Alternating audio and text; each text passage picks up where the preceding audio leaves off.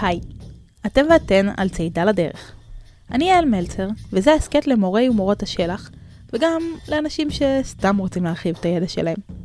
בכל פרק נצלול לסיפור חדש, רק איתי, או יחד עם האורחים המתחלפים שלי, שכולם מורים לשלח. נספר את הסיפור שמאחורי הסיפור, ועובדות מגניבות שאפשר לספר בסיורים, בשיעורים או בסתם שתיקות מביכות בסלון. והפעם, פרק בהשראת ההסכת המצוין שיר אחד. היום נספר על מסעות הפלמ"ח לנגב.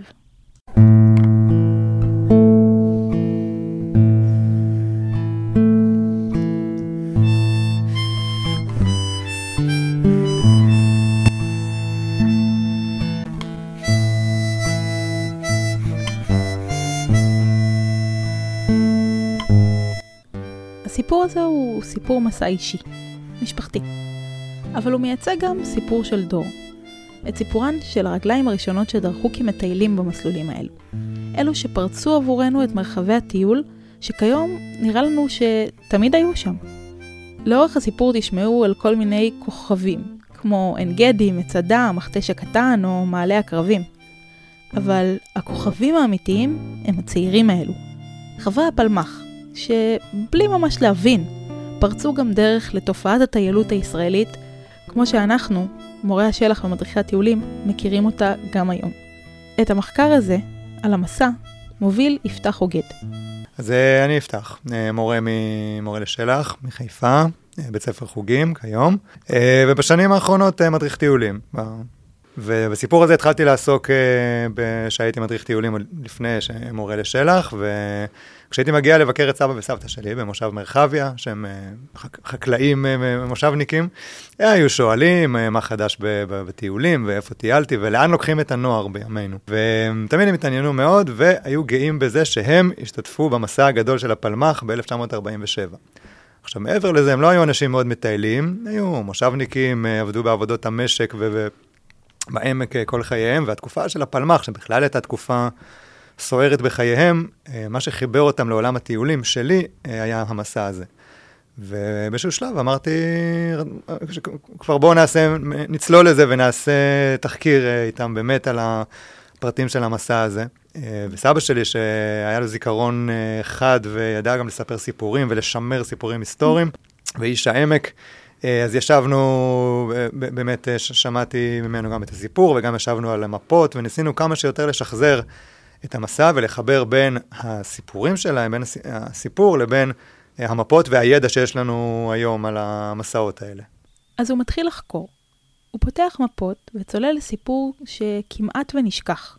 סיפור לא מאוד מוכר, על המסעות של חברי הפלמ"ח. אז המסע הגדול לנגב הוא בעצם uh, מפעל מסעות של הפלמ"ח, שבמסגרת שלו, בכמה חודשים ב-1947, חורף 1947, יצאו כל פלוגות הפלמ"ח שהיו אז, ממש כמו בסרט נע, uh, למסע בין 11-12 יום בים המלח והנגב, בין בית הערבה לבית אשל, או mm-hmm. הפוך, בית הערבה, צפון ים המלח, בית אשל כיום בתחום uh, באר שבע. מתחיל עוד קודם לכן, בשנות ה-20 וה-30. אה, שהם ככה רחוק מעיניהם של רוב תושבי הארץ והמנהיגים. קבוצות קטנות של באמת משוגעים לדבר, התחילו פשוט לצאת למסעות, לטייל, למפות את השטח, לגלות שבילים, אה, אה, מעיינות, מעלות. והידע הזה התחיל להיות, להיות מועבר ב, עם קצת סימון ומפות וידע הלאה מדור לדור. ואיך הם ידעו לאן ללכת? יפתח מסביר. אז הסימונים ממש היו או רוג'ומים ודברים פשוטים כאלה. יש איזשהו אזכור לתחילת סימוני השבילים ממש עם צבע ב-47, 1947, אבל um, בעיקר ידע. Uh, פשוט הלכו, כל מסע כזה של, של הפלמ"ח כבר המסודר, הלכו סיירים שהם כבר הכירו וידעו, והם היו מדריכי הטיול מהבחינה הזו. נכון, את זה מספר uh, עזריה אלון. אמ, בתור גם באמת מסיירי הפלמ"ח, ב... לא, הוא לא היה בפלמ"ח, הוא היה מסיירי תנועות הנוער, נגיד יותר ככה, אבל מאלה שהכשירו את המסלולים, שמיפו, שעשה עבודה, עד יומו האחרון עשה עבודה מטורפת ב... למסלולי הארץ ו... והטבע. אה, והוא מספר שבאמת זה היה איזשהו ניסיון ב-47, קיבלו איזה תקציב וביקשו מהמטכ"ל ומזה, בסוף אני חושב שמי שנתן חלק מהתקציב זה אגד. בתור גם תרומת, תרומתם לטיולים בארץ, וסימנו באמת חלק, אה, את, את מעלה פשחה והחלק, אולי עד עין גדי, סימנו אותו אז, וזה היה מחשבה שזה יהיה מסלול ראשון uh, מתוך רבים, ואז פרצה המלחמה, והפסיקו עם זה, ונכ, ונכבש החלק הזה של הארץ, זאת אומרת, גם לא היה לנו, ה, כן. האזור הזה היה בצפון ים המלח, היה בירדן, וחזרו לסמן מס, מסלולים שנים אחר כך, גם התחילו אגב ממדבר יהודה, את המסלולים הראשונים. Um, כן, וזה, נכון, הסיפור של... Uh, הסימון בעין פשחה. אה, סבא לא, לא, לא ידע את זה, אז הוא לא זוכר, אני שאלתי אותו אם הוא זוכר סימונים או משהו כזה, הוא לא זוכר את זה, הוא זוכר שהיו רוג'מים, ובגדול שסמכו על הסיירים, הם ידעו הכל. אז השמש קופחת, וחם. חם נורא, והולכים שעות על גבי שעות. ונשאלת השאלה למה. למה שבני נוער בקום המדינה ירצו לעזוב את הכל ולצאת לסיור אל הלא נודע בנגב? מה יש להם לחפש שם? מסעות, אה, קודם כל, הם מתארים אותם כחניכים בפלמ"ח, כבאמת אה, משהו מאוד, אה, מאוד מיוחד, שנתן להם חוויה שלא הייתה להם קודם, של מסוגלות, של להיות ביחד, וגם של להכיר את הארץ. המושג הזה להכיר את הארץ דרך הרגליים, שהיום הוא אולי נשמע לנו אולי קלישאה, אולי זה, אבל זה מה שהם, זה מה שהם אמרו. שמריה גוטמן, שבאמת הוא אחד ממובילי המסעות העתיקים של, של אז, הגדיר את זה כך. אה, אני הובלתי אנשים במדבר כי רציתי לחנך אותם להסתגל לתנאים קשים, ללכת מעל תאומות, לפתח אצלם הסתפקות במועט, מאמץ, עזרה הדדית, אה, לא לפחד.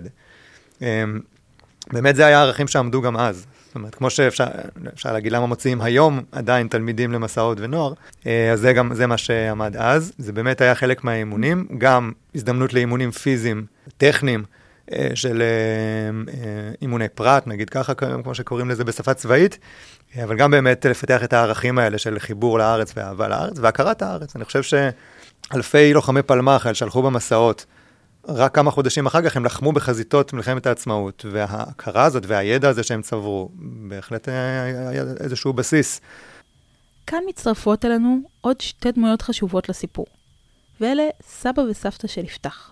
אז סבא זלמן, אה, בן מושב מרחביה בעמק יזרעאל, אה, היה באותה תקופה אה, בהכשרת רמת יוחנן, פלוגה א' של הפלמ"ח, והפלוגה הזו, וגם פלוגה ד' שבה הייתה סבתא רחל, גם היא בת מושב מרחביה, הייתה חלק מהגדוד הראשון של הפלמ"ח. כן, הבנתם נכון. סבא וסבתא של יפתח היו בני אותו מקום, מושב מרחביה, אבל הם הכירו והתאהבו רק כשהיו חברי פלמ"ח. ונשאלת השאלה, איך הגיעו שני חברי מושב ממרחביה עד לנגב הרחוק? אז uh, סבא מספר שהוא ירד עם הפלוגה שלו לבית הערבה, שם התארגנו ויצאו לדרך. עכשיו כאן חשוב לציין שהמנדט הבריטי אסר לטייל במדבר, בכלל, ובכל מרחבי הנגב. Uh, למה? Uh, בגדול היה להם נוח שלא הסתובבו שם, חיכוכים בין אוכלוסיות, בדואים היו, אז uh, חיכוכים ולחימות גם שם לא היה חסר, ובגדול היה להם נוח לשלוט על האוכלוסייה מסודרת, כל אוכלוסייה במקום שלה. אה, וגם סבא מזכיר שהיה איזה עניין, הם ידעו על עניין עם חיפושי נפט ומחצבים שהבריטים עשו בנגב, וגם אה, זה היה חלק מהעניין. אז איך הפלמ"ח תהיה. עשה מסעות למדבר בלי שמתחת לעיניים של הבריטים? הפטנט היה כזה, אה, הפלוגות ירדו לבית הערבה ולבית אשל עם אישורים מהבריטים לעבודה בקיבוץ. אז נגיד פלוגה אחת יורדת לבית הערבה עם אישור לעבודה, במקביל פלוגה אחרת יורדת לבית אשל עם אישור זהה. בלילה כל פלוגה מתחלפת עם פלוגה שסיימה את המסע, אחת בבית הערבה ואחת בבית אשל. הפלוגות שסיימו חוזרות באוטובוסים של הפלוגות שיצאו למסע, ולאחר 12 יום החלפה באותה צורה. מבחינת, ה, מבחינת הבריטים במחסום, ירדה פלוגה באוטובוס, ולמחרת בבוקר היא חזרה. מה שהם לא יודעים שזה פלוגה אחרת שחזרה מ-12 יום מסע מבית הערבה לבית אשל, אז ככה, אז ככה זה עבד. תואר שכל פלוגות הפלמ"ח בשבועות האלה עשו את, ה, עשו את המסע הזה, זה, זה חורף, חורף 47. אז נמשיך, okay. אוקיי. ב, בימים הראשונים הם הלכו לאורך ים המלח, אה, עד עין גדי. סבא מספר שהים מגיע כמעט עד למצוקים, ובחלק מהחופים היה אפשר לעבור בין השיחים והקנים, ובקטעים מסוימים נאלצו לעלות למעלה, מעל המצוקים, לחצות את הערוצים. זיכרון, אה, זיכרון רחוק מים המלח. אז יש לנו תוכנית, יש אוטובוסים, יש חניכים, הכל מוכן לצאת לדרך. יש רק בעיה קטנה אחת, אוכל ומים. איך מתרגנים למסע כל כך ארוך? אז אספקת האוכל אה, לחלק הראשון של המסע הוא מחלק לשני חלקים, כשבאמצע, ב, באזור סדום, בין אם הם מנחילים מדרום ובין אם מצפון, היה אספקה. איך הביאו אספקה לסדום? זה גם לא מה שהבנתי עד הסוף, אבל גם היה מפעלים בקליה והיה בסדום. עכשיו, זה היה מפעלים של המנדט הבריטי, אבל עבדו שם עובדים ישראלים, וכנראה שהיה שם גישה לפלמ"ח ולה, ולהגנה אה, להעביר משם אה, אספקה, mm-hmm. בלי שהבריטים ראו, למסלול ההליכה. אז בחלק הראשון של, ה, של המסע, אספקת האוכל הייתה באחריות ההכשרה, בעצם כל פלוגת פלמ"ח הייתה באה מקיבוץ והיה חדר אוכל ואספקה מים. עכשיו, באיזה תיקים? ציוד בריטי, תיקים רכים, ברזנטים, אולי עם מין ברזלים כאלה בגב, אבל הם מתארים את זה שכל אה, כל כיכר לחם וכל קופסת שימורים בלטה בגב ודפקה ההליכה. נעליים, גם מעודפים, אה, מעודפים בריטים שקנו, הרבה נעליים נקראו במהלך המסעות, אה, קשרו פטורים. אחרי שהם הצליחו להשיג את התיקים, גם אם קצת מתפרקים, היה צריך למלא אותם. אז במה ממלאים את התיקים? סבא זלמן וסבתא רחל עם כל הפרטים. אוכל אכלנו, לחם היה, נתת. היה קונצרנים כל מיני, סרדינים, שימורים כאלה. אכל ושימורים, תפוחי אדמה היה בשביל לבשל. ביצים היה קצת גם כן, וחילקו את זה בין, בתוך הכיתה, שהיה משקל יתאים, ושזה יהיה מונח טוב בתרמיל, זה כל קונצת קונצרבים נכנסת בגב, ככה. כן. אני זוכרת שהיה לי לחם והיה לי מים, וקצת קונסרבים היה אצלי.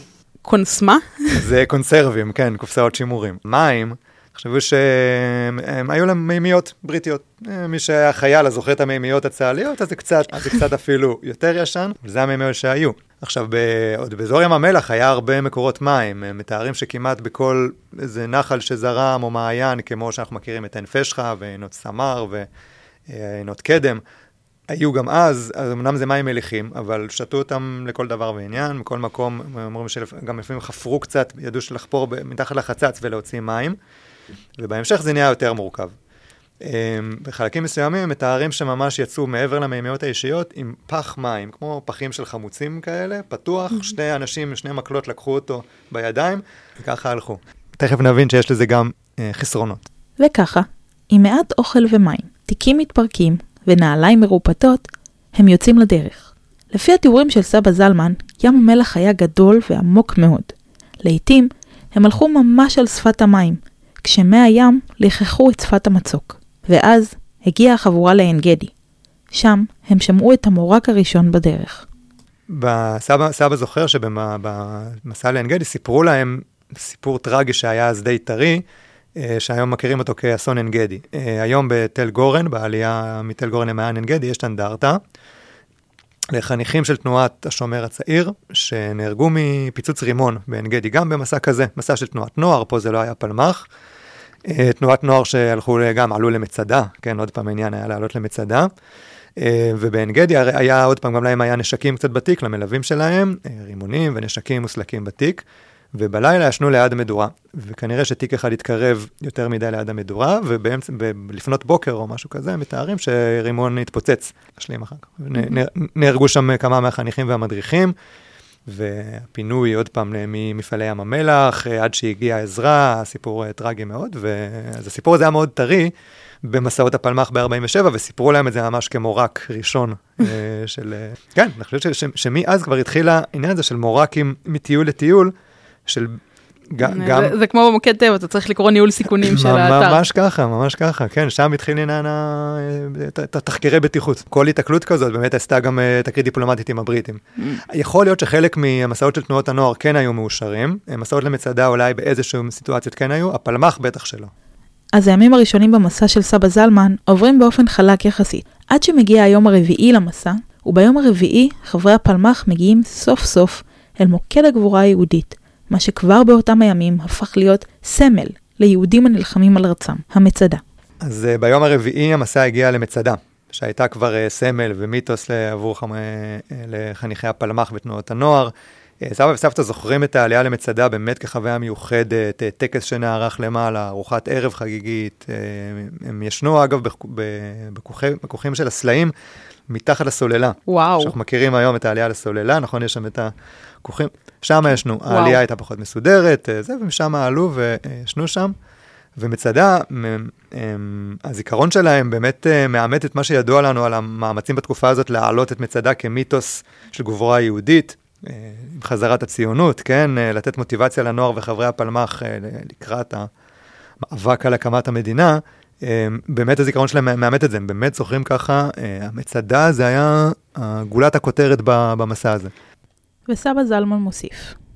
המצדה, בחמש שנים לפני שאנחנו עלינו, בעצם תחילת שנות ה-40, כאילו גילו אותה. כל הנוער בארץ, כל תנועות הנוער בארץ בשנות ה-40 התחילה להיות ההתעוררות מסביב למצדה, בשביל כן. לעלות למצדה ושביל הנחש. וישנו בסוף הסוללה לפני הקיר האחרון שעולים למצדה עצמה, שזה כמובן מסודר היום הרבה פחות ממה שהיום, אבל טיפצו שם. העלייה הייתה מאוד קשה, כמובן שהיה ברזלים, להיאחז ולכל הסיפורים האלה, וזה היה חורבן אחד גדול. במצדה הרבה לא ראו, אבל ראו שזה שרידים ושמעו את הסיפור. אני לא זוכר היום להגיד שדברים מסוימים, דבר רואים את הקירות, את הזה ואת הסיפור. מיתוס היה שזה נלחמים. במסגרת סיפורי הגבורה של הציונות, כמו חנוכה. כן. אז הסיפור של מצדה דומה לזה. בשביל שיהיה מיתוס, ואז אה, נשק זה היה דבר שהחביאו אותו, וקצת היה נשק שלקחו נשק לליווי כן. לאבטחה. עשו טקס, כל המפלגה, והקריאו את הנאום של יאיר בן אה, זה, ואז מי שהיה אחד, אני לא יודע, בטח מהמפקדים, ירה באקדח חמישה כדורים, טח, טח, טח, טח. אבל לצד כל היילייט ויריות שמחה באוויר, מגיע גם רגע המשבר. אז במסע של סבא אה, הייתה באזור מצדה תקלה לוגיסטית רצינית, נגיד ככה. הם אה, בנו על זה שיהיה מים בבורות אה, בורות מים הרומים, לפני, מתחת למצדה, וכנראה זה היה שנה שלא היו יותר מדי מים בגבים שיש לפני, כמו רחף, משמר, צאלים, וכשהם הגיעו גילו שאין הרבה מים. חפרו קצת ומצאו, לא יודע, מימייה לפלוגה, בקיצור, נכנסו לימים של משמעת מים רצינית ומחסור במים אמיתי. פה, מה שהיה מיוחד, יש פה בורות מים, ולא היה מים. והסיירים אמרו שיהיה, וגם אספנו קצת מים. כן. חפרו, אתה יודע, חפרו, חפרו, והגיעו לקצת מים, מילאו בממיות, כל כיתה קיבלה ממייה, עוד כיתה, עוד, עוד ממייה, עוד ממייה. זה המים שהיו. אה, נשארנו ללון במצדה, ו...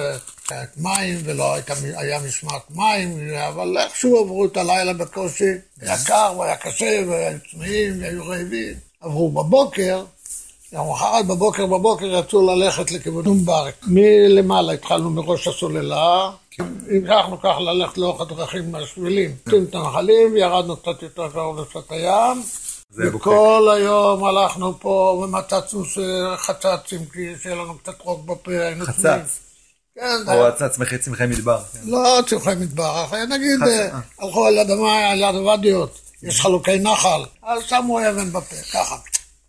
כן. זה עושה רוק קצת, זה מרטיב את הפה. אה, עשבים ועניינים, כל אחד, אבל מים אמיתיים לא היו. לפנות ערב הגענו. מה זה, מה זה התרגשות, מים, ומרחוק התחילו לרוץ ולהתפשט.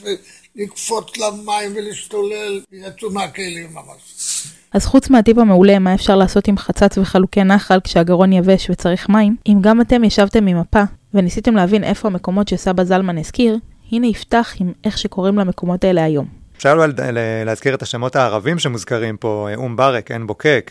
כל השמות, סבא דיבר בשמות הערבים של, כן. של המקומות, אה, ואדי סייל זה נחל צאלים, עין פשחה, אום ברק, ואדי ירקה, נחל חתירה ועין יורקה. כן, זה, זה השפה ש, שאז מי שלא המשיך לטייל בעצם והכיר את השמות המודרניים, עשינו, כן, לא ידעתי בהתחלה את הכל, עשינו את התחקיר, כן, מה, מה הפך למה. בינתיים, שלושה שבועות אחרי סבא זלמן, גם המסע של סבתא רחל קצת משתבש כשהם מגיעים למצדה. כבר היה יום החמישי, היה קשה, נורא עייפים, ואני כבר הייתה לי ברך שכאבה לי, והתחלתי שאני לא מרגישה את הזרימה של הדם ביד, היד התאבנה לי מלהחזיק את הפח. לפני שיצאנו, היה רופא איתנו, ואני אמרתי לו שכואבת לי הברך. אמרתי לו שאני מרגישה נימול ביד מהפח ומהתרמיל, אני יודעת ממה. אז הוא הסתכל ובדק וזה, ואמר, אני מבקש שלא תלכי. היה פיקוח מסודר, זאת אומרת, שהרופא אמר, אני מבקש שלא תלכי בגלל הרגל, אז ידעתי ש...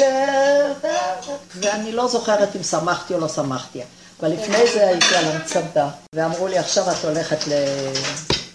ונוסעת, נוסעת מסדום לשייט היה, שייט היה נחמד מאוד, אבל אני הייתי נורא לבד. ובאו וקראו לי, בטח נתנו לי אוכל, אני לא זוכרת משהו. ועליתי על משאית שנוסעת מים המלח לירושלים. זאת הייתה חוויית חיי.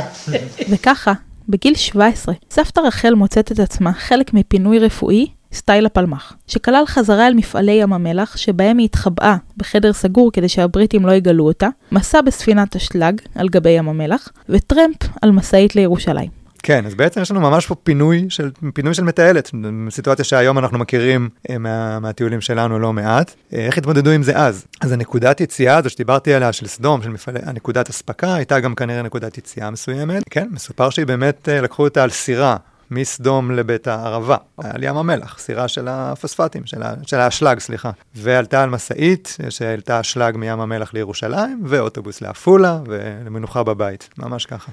אז סבתא רחל חוזרת הביתה, והמסע שלה למעשה מסתיים בנקודה הזו. אבל, אם נחזור שלושה שבועות אחורה, נראה שהמסע של סבא זלמן ממשיך בכל הכוח. אחרי האספקה בסדום, ובעצם היה צריך ללכת מסביב קצת. להתרחק מהנוכחות הבריטית במפעלים, ועלו מנחל צין, אה, ואדי פוקרה כמו שהוא קורא לו, אה, לכיוון עין צין, ומנחל חצר על המכתש הקטן. אה, מכתשים גם היה דבר חדש, אז גילו, מה זה, גילו את המכתשים לפני, לפני במסגרת המסעות וגילוי הדרום והנגב. אנחנו יודעים שה, שהבדואים וכל התושבים שהיו לפני, אז קראו לזה ודיות, קראו לזה, לא התייחסו לעובדה הגיאולוגית שמדובר במכתשים. בתקופה, הפלמ"ח כבר אמרו מכתשים וידעו שזה דבר מיוחד וזה, אבל בכלל אפשר להגיד שההתעסקות uh, שלהם בטבע, בתופעות, לא הייתה, אני שאלתי אותם כל פעם, אתם, מעבר לזה שהלכתם והיה לכם קשה והזעתם והיה לכם נשק מוחבם. מישהו הדריך על גיאולוגיה? בדיוק. מישהו הסביר על צמחי ארץ ישראל? על צבי, על זה, אז לא ממש. מישהו עשה לכם את הטריק עם הקליק והקקי של האיזה? אז לא, אה, לא, זה היה אימון מבחינתם יותר, מ, אה, יותר מטיול. אה, אז הלכו, ראו את הנופים, אה, זה, אבל לא ההתעסקות, אה, כמו שאנחנו מכירים, מאוחר יותר בתופעות וידיעת הארץ וטבע וסביבה. אה, אז אנחנו במכתשים. אה, יש שם גם סיפור שלו שאחת החברות במסע נפלה, הידרדרה במכתש, ובנס, ככה חילצו אותה והמשיכה ללכת, ממש הידרדרה במדרון. לפי מה שהוא אומר, אני הבנתי שאת המכתש הקטן חצו, הקיפו בעצם מהמדרונות מסביב, לא הלכו טש כמו ששביל ישראל והשבילים הולכים היום, אלא הקיפו אותו. ואז עלו במעלה שהיום הוא מעלה עלי, אותו מעלה שהוא המעלה הטבעי מהמכתש. אגב, מעלה עלי נקרא על שם חבר אה, הכשרת פלמ"ח, אלי בן צבי, שנהרג כמה חודשים אחר כך בבית קשת, וסביר מאוד להניח שהוא בשבועות האלה טייל גם עם ההכשרה שלו באותו מסלול. הם עוברים את המכתש וממשיכים דרך הכביש של מעלה הקרבים, שהיה בריטי. ושוב, החבורה נאלצה להסתתר ולחמוק מסיורים בריטים שעברו שם, בתקווה לא להיתפס. משם הם ירדו לעין הקרבים. אבל גם שם התקלות לא פסקו. שם היה קצת בלבול וקצת חוסר ודאות, כאילו בין המפות של היום לבין הזיכרון של סבא, איפה בדיוק הלכו. אמ, אם חסו את המכתש הקטן קודם, אז האם ירדו אה, לנחל, באמת לעין הקרבים, או שזה היה לפני או אחרי. לא ברור, בכל מקרה המשיכו אחרי זה לנחל חתירה ולעין יורקם, ואדי ירקה. אה, עוד פעם, מקור מים חשוב. אמ, שם הוא גם מתייחס לזה שהיה אמ, מודעות, למשל הוא חשש לשיטפונות, והוא זוכר שאמרו, היום ישנים מחוץ לוואדי ולא בתוך הוואדי, כי שיטפונות וזה, זאת אומרת, היה כבר גם מודעות לעניין הזה, שזה מעניין. אבל איך הם ידעו? כנראה שלהסתכל על העננים, מסתכם בזה. עננים קצת, אפורים קצת זה, חשש שיטפונות, צריך להיזהר. אני מאמין שזה יסתכם בזה, לא היה שום יכולת לתחזית אה, מעבר לזה. אבל הוא כחניך, אוקיי, מאקו היה, אבל לא חשוב, הוא כחניך במסע הזה, זוכר שהמפקדים העבירו את המסר הזה שחוששים משיטפונות. אז המסע של סבא זלמן ממשיך, ומגיע אל נקבל יהוד, זה שלימים ייקרא מעלה פלמח. כמה שנים לפני המסעות האלה באמת פרצו את, את נקבל יהוד, שנקרא לימים מעלה פלמח, אה, פלוגה ג', שבאמת פעם ראשונה, לפי התיאורים, הצליחה לעלות בוואדי, בוואדי ירקה, בנחל חתירה, אה, לכיוון המכתש, ויש את הסיפור המסופר אה, בקרב מדריכי טיולים, אה, שהם בדואים שפגשו אותם למעלה, לא האמינו שהם עלו מאותו ואדי, אמרו, אתם בטוחים, משם אי אפשר לעלות. כן, עלינו, פרצנו, שמנו חבלים, שמנו סולם, עלינו. ו... ועל זה נקרא ואדי נקבל יהוד, ואחרי זה מעלה פלמח, ויש שם את הכתובת באמת שמנציחה את uh, לוחמי הפלמח, ואת המסעות בדיוק האלה, ואת ההכשרות. שעברו שם. Uh, זה מעלה פלמח. אז גם סבא זוכר את מעלה פלמח כנקודה uh, משמעותית, נקודה שהם הגיעו מלמטה, הרי. אז הוא מתאר שבעמק שמתחת העלייה של הסולמות ושל מעלה פלמח, כל, כל המחלקות בעצם uh, הצטברו ועמדו וחיכו בתור, כאילו לעלות מחלקה-מחלקה, כי זה כאלה טיולים. והוא מספר שהוא כסוג, קצת היה לו ידע, ב, ככה ידע והבנה ב, ב, בסיור ושטח, אז הוא ביקש רשות מהמפקד לעלות ולמצוא, אולי יש איזה נקב מסביב, שאפשר לעבור את כל התור. ישראלים. והוא הלך ומצא ואמר שהנה מצאתי בצוק הזה, לא הזה, איזשהו מקום שאפשר עם קצת אה, חבלים וזה לעבור. אה, וה...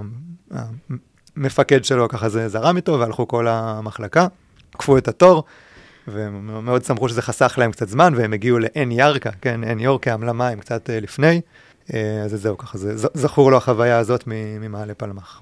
באזור המכתש הגדול היה ידוע שיש מעשה שוד של בדואים. מסעות הפלמח הזהירו אחד את השני מפני הבדואים, ולכן כשהם הגיעו למכתש הגדול, הפלוגה של סבא זלמן נכנסה לכוננות שיא. הלכנו, הלכנו כמה פיתולים בתוך הכניסה למכתש הגדול, ופתאום עשינו עוד סיבוב אחד כזה והיינו בלב המכתש. ואוהלים, ופתאום הם ראו אותנו מופיעים, ואנחנו ראינו אותם מופיעים, אי אפשר היה להתחמק בכלל אחד מהשני. וישר התחילה ריצה מהאוהלים אלינו עם נשק וזה, והקיפו אותנו בשנייה.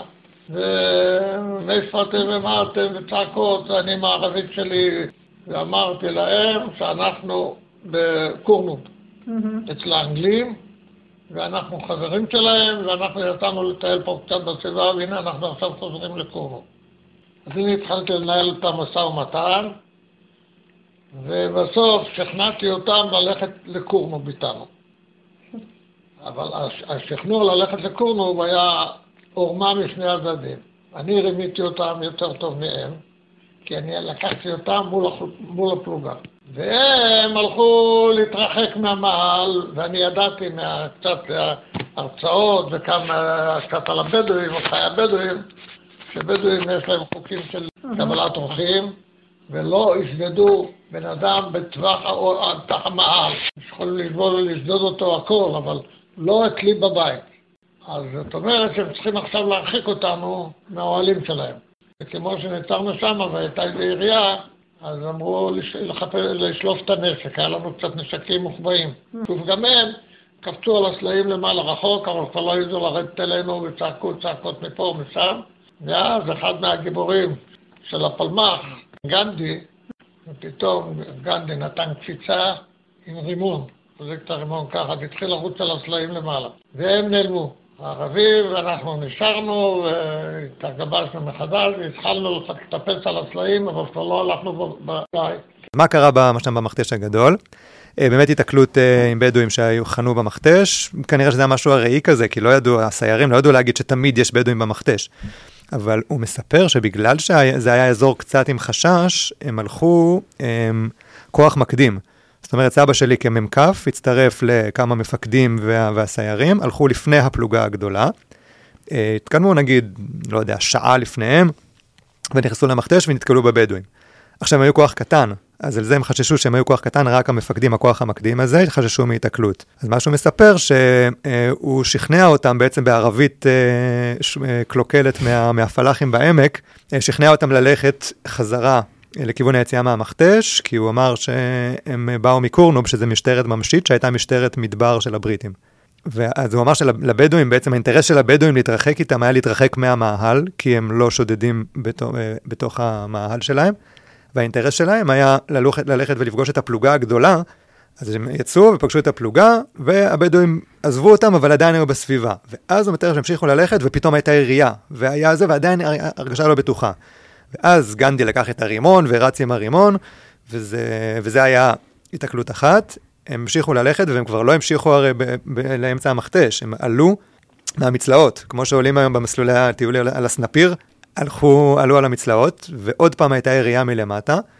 אז הוא מתאר שהם שלפו את הנשקים המוחבאים, שלפו את האקדח, והוא בתור דובר הערבית צעק בערבית איזושהי צעקה, אה, שהוא מאוד אוהב לתאר אותה תמיד, אה, וה, והבדואים ברחו, ומאז לא ראו יותר בדואים. והוא מתאר את זה כחוויה מאוד מאוד חזקה, שחברים מהמסע הזה, שראו אותו שנים, שנים אחר כך, הזכירו לו, זלמן, אתה זוכר איך ברחנו מהבדואים במכתש, ואיך צעקת וירינו באקדח, וחוויית נעורים. אחרי המפגש עם הבדואים במכתש הגדול, הם המשיכו בשבילים לכיוון באר שבע, אל תחנת הסיום שלהם, בית אשל. סבא זלמן, שהיה חקלאי מהעמק, התרשם מאוד מהחקלאות המדברית. אבל הוא עדיין לא רצה לחזור הביתה. הוא רצה לצאת למסע שוב, זה שיצא יום למחרת מבית אשל לעין גדי, והפעם כסייר. או כמו שקוראים לזה אצלנו בשלח, הוא רצה לצאת להדריך בקורס בתור רש"ק. אבל הסיבה האמיתית שלו לחזור למסע, הייתה ידיעה שאם הוא יעשה את המסע הזה חזור, בעוד עשרה ימים הוא יפגוש את רחל, חניכה מהמושב מרחביה, שהוא היה קצת מאוהב בה. לצערו הוא לא הצליח לצאת שוב למסע, אבל זה קרה בגלל סיבה לוגיסטית. אבל um, הסיבה שהוא לא יצא חזרה למסע היא סיבה פשוטה אבל אלמנטרית בימים ההם, uh, שנקראו לו הנעליים. ובכל mm. בית אשל, באפסנאות וכל הקיבוץ לא מצאו נעליים מתאימות uh, לתת לו, ואמרו, אין לך נעליים, אתה לא הולך. אז הוא חזר uh, צפונה עם ההכשרה. אבל בסוף הוא פגש את סבתא רחל. בטח, שוב, הסיפור, אה, כן, הסיפור נגמר, אבל אה, זהו, אז ככה, אה, ככה נגמר המסע שלו. המסעות שבהם השתתפו סבא וסבתא של יפתח, היו ככל הנראה המסעות האחרונים שיצאו לנגב. קצת אחרי המסעות האלה הגיע האביב, ואחריו הקיץ. עונות שבהן קצת מסוכן לטייל בנגב. ובסתיו של אותה השנה פרצה מלחמת העצמאות. סבא זלמן הצטרף לפליים, חיל הים של הפלמ"ח. סבתא רחל המשיכה עם ההכשרה שלה ובהמשך הקימה את האפסינאות של גולני. ובמבצע עובדה, היא הייתה חלק מהכוחות הראשונים שהגיעו לאילת. מעל שולחן האוכל בסלון אצלם הייתה תלויה תמונה, שהיא התמונה הקבוצתית מהמסע למצדה. Mm-hmm. הייתה תלויה תמיד, אהבו אותה, התגאו בה, אה, של ההכשרה של סבא. אה, וכשמסתכלים על התמונה, אז הוא מצביע על שני חברים בני העמק מאותה הכשרה, שנפלו כבר בקרבות מלחמת השחרור, שהוא זוכר להגיד שהם נפלו, את השאר הוא מזהה בחלקם, רובם ניתק הקשר כי הוא עזב את, שהוא עזב את ההכשרה. אה, אבל אה, זה היה איזשהו סמל בשבילי, ההסתכלות על התמונה הזאת, ולהגיד זה נהרג וזה, זה, ולדור הזה שמיד אחרי זה, זאת אומרת כמה חודשים אחרי החוויה קצת אולי נערית כזאת, ילדית, מסעות, חוויות, יריות באוויר וזה, ממש הלכו למלחמה. הרבה כן. מהם לא, לא, לא, חזרו. לא חזרו משם. זה התשתית, ל... כן, וזה דור תש"ח. המסעות האלה היו גולת הכותרת של חברי הפלמ"ח. אבל בהרבה מובנים, הם גם סללו את הדרך אל מסלולי הטיול שאנחנו מכירים בנגב היום. וללא ספק, הם היו חלק מההצלחה של מלחמת העצמאות בגזרת הנגב. תחום המסעות של הפלמ"ח, הסיירים והאנשים ש... שעסקו בזה, כשהוקם צה"ל, הפכו, בעצם התגלגלו להיות הגדנ"ע. די הנוער שתחת הצבא בעצם הכשירו את הנוער למסעות וללחימה, ואנחנו יודעים שכעבור כמה, אחרי כמה עשרות שנים הגדנ"ע הפך לשלח, שזה מה שאנחנו נכון. עושים היום. וזה שווה לשאול בשלב הזה, מה, אם, אם הדבר הזה עדיין עובד, אם המסעות שהוציאו אז, עם כל מה שאמרנו, עם הערכים שהם, שהם הציגו, וגם שאנחנו רואים שהם ספגו בתור חניכי מסע כזה, האם זה עוד עובד לנו? ואיך שרשרת הדורות עברה מאז ועד היום עם המסעות בנגב שכולנו יוצאים אליהם? אמ, ומה קורה? מה... תראה, אנחנו היום עומדים בפני זה שגם היום אה, יש פינויים רפואיים ושולחים ילדים הביתה. כן. אה, יש לנו הרבה מאוד מסעות משמעותיים. אנחנו רואים את זה גם בטיולים השנתיים, במסעות שאנחנו מוציאים בבתי הספר, אבל בעיקר אני חושבת במש"צים. זאת אומרת, אתה רואה כל חנוכה, כל פסח, כל קיץ, אתה רואה גדודים של ילדים שהולכים בארץ. אנחנו לפעמים לא חושבים כמה ילדים אנחנו לוקחים מאחורינו קילומטרים על קילומטרים, וכאילו מכירים להם את הארץ ו... אני חושבת ש... שהמורשת של אה, סבא זלמן ושל סבתא רחל לא, לא הלכה. זאת אומרת, אנחנו עדיין פה ואנחנו עדיין עושים אותה. ושל, ה... כן, ושל כל הדור שלהם. כמובן. אמ, נכון, אני גם, אה, גם חושב, שואל את עצמי, אולי אה, כמה, כמה אמ, נערים היום ונערות סופגים כמו שהם הרגישו שהם סופגים את החוויה הזאת. תראה, היום תחת חוזר מנכ"ל אתה כבר לא יכול להסתובב עם פח של מים ולראות באוויר נכון. במצדה, אבל, אבל מבחינת החוויה, אני חושבת שהם מקבלים חוויה, אם לא זהה אז אחרת, אבל כאילו זה שהם יוצאים לטבע, זה שהם נחשפים, זה ש... שהם בוחרים בחופש שלהם לבוא איתנו כן. לשום מקום. האם המושג של אה, להכיר את הארץ דרך הרגליים אה, עוד אה, עוד תופס? תופס בטוח. בעיניי חי השאלה- ובועט. כן, אני גם חושב, נכון. בשביל זה אנחנו עושים את זה גם, נכון. אני חושב, כולנו כן. פה. אז תבואו להיות מורים לשאלה, כיף איתנו.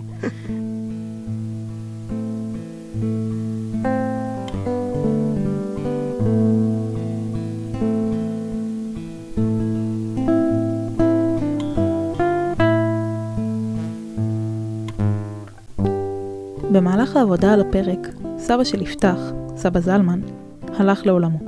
אה, נכון, ממש ב- כשעבדנו על הפרק, אז הוא בגיל 97, אפשר להגיד, הכי בשיבה טובה, הכי בהזדמנות להיזכר בו וכנציג לכל הדור הזה, כל דור תש"ח ודור הסיירים הראשונים והמטיילים הראשונים והפלמ"חניקים, אה, ולהודות להם על אה, פריצת, סלילת דרכנו לטיולים בארץ. זהו, עד כאן הפרק שלנו להיום. לבקשתו של יפתח, אנחנו מקדישים את הפרק הזה לזכרו של זלמן אברמוב, וגם לכל דור תש"ח. מקווים מאוד שנהנתם. אתם יכולים להזין לנו בכל אפליקציות הפודקאסטים, וגם באתר נועם של מורי השלח. שם גם תוכלו למצוא תמלול של הפרקים. תודה לבית אריאלה על האירוח הנפלא, תודה לאגף שלח ולדוקטור אלי שיש, מרכז נועם ולצוות הפיתוח יובל, ירון, מורית ולירון. תודה לאייל מלצר ועומר עמיחי על התפעול מאחורי הקלעים. תודה ליפתח על הפרק, וגם על המוזיקה שליוותה אותו, וגם לאוריה עדן על הנגינה והאולפן. תודה לכם על ההאזנה, ניפגש בפרקים הבאים. thank you